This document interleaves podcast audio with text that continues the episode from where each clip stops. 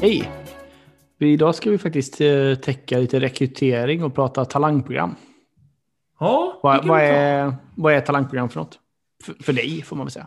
Ja, precis. För mig, det är ju förstås, kan man ju ha massa terminologi och skit i det här liksom. Eh, och många säger trainee-program och sådär. Och med min terminologi, eller så som det är på företaget där jag har jobbat länge, då, där är ju traineeprogram är ju kanske ganska få individer och ganska mycket sikte på att det ska bli chef och sådär. Så det, var, det är inte det jag pratar om. Eh, ett talangprogram.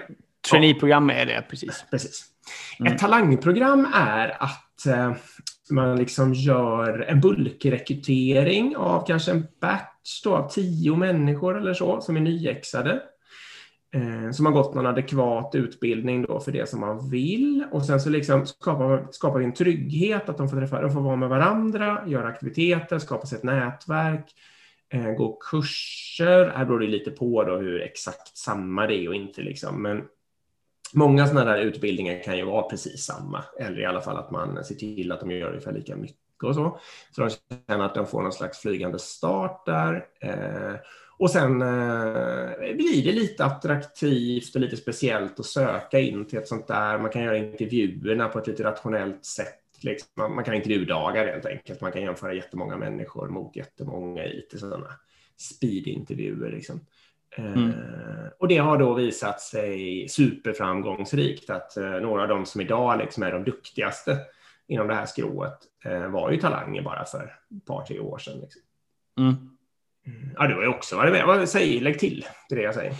Ja, eh, nej, men jag håller med. Eh, framförallt är det ju det som blir så otroligt smart med det där. Det är ju liksom att istället för då att rekrytera en junior person liksom, så rekryterar man en talang. Det gör ju helt Mm. plötsligt att lägger du ut en annons där du skriver hej vi vill ha en junior av detta, då kommer du få ganska få sökandes.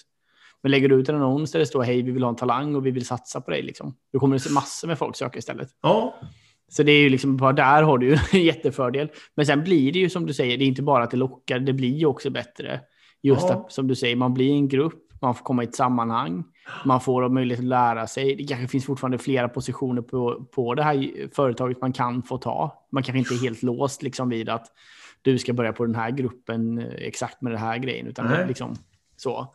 Så det finns mycket, absolut mycket fördelar med det. Och som du säger också, det blir en jättesammanhållning. Så sen alla Ja. de här personerna har suttit och jobbat i organisationen i fyra år, så är det ju en otrolig styrka av att de känner varandra. ja precis. Och de känner året innan, de känner året efter och det blir liksom en grej och så vidare. Jag vet inte, Ja. hur många skulle ni säga har gått igenom talangprogram på det företaget du är nu? Det är ändå hundratals människor nu. Ja, i alla fall ett hundratal, kanske ett par hundra till och med. Det är någonting Ja. sånt. Och kanske så här, eh, det är klart att alltså, vissa slutar och så, det är unga drivna människor liksom. Men det är ändå, vi mätte ju det någon gång och då var det ju ändå att hälften var kvar efter tre, fyra år eller något sånt där. Och det är väl Mm. okej liksom, i, alltså, utifrån vad man kan förvänta sig. Mm. Eh, Och många, många har ju rört sig vidare internt då givetvis, men det är ju bara bra. Och eh, många som sagt har hört till de, de eh, liksom, duktigaste inom sitt skrå, trots att de då bara liksom har tre, fyra, par, tre, fyra års eh, yrkeserfarenhet. Mm. Eh, jag har märkt några saker bara om man vill gå igång med det här. De delarna av organisationen som inte riktigt är teambaserade, eh, de får ofta problem, för då förutsätter det ofta liksom att de ska få in en expert som kan ersätta den som var där innan. Och sådär. Eh, om det ska flyta på måste man nästan ha att det är lite teambaserat. Det finns någon grupp människor som kan göra liknande arbetsuppgifter. Så kan man skicka in den juniora längst ner eller vad man ska säga, någon slags kunskapstrappa. Och sen Mm. kanske någon av dem som har mycket erfarenhet och kunskap slutar och, och då blir det liksom en naturlig balans i det där. Och sen i början var det mycket konservativt motstånd också, att eh, det är jättemycket upplärning, det kommer aldrig att gå, det blir massa Nej, problem. Och så, ja, sånt där. Det får man ju bara försöka och sätta på någon slags lappar på öronen och köra ändå. Så att säga. Ja, och om inte annat så testa det. Eh, Jag menar, man behöver inte börja med tio personer heller, börja med två. Ja, kanske, gärna en grupp. Ja, precis. Jag skulle Tre, säga ja. börja gärna med fem eller något sånt där, så att det blir ett litet gäng av alltihopa.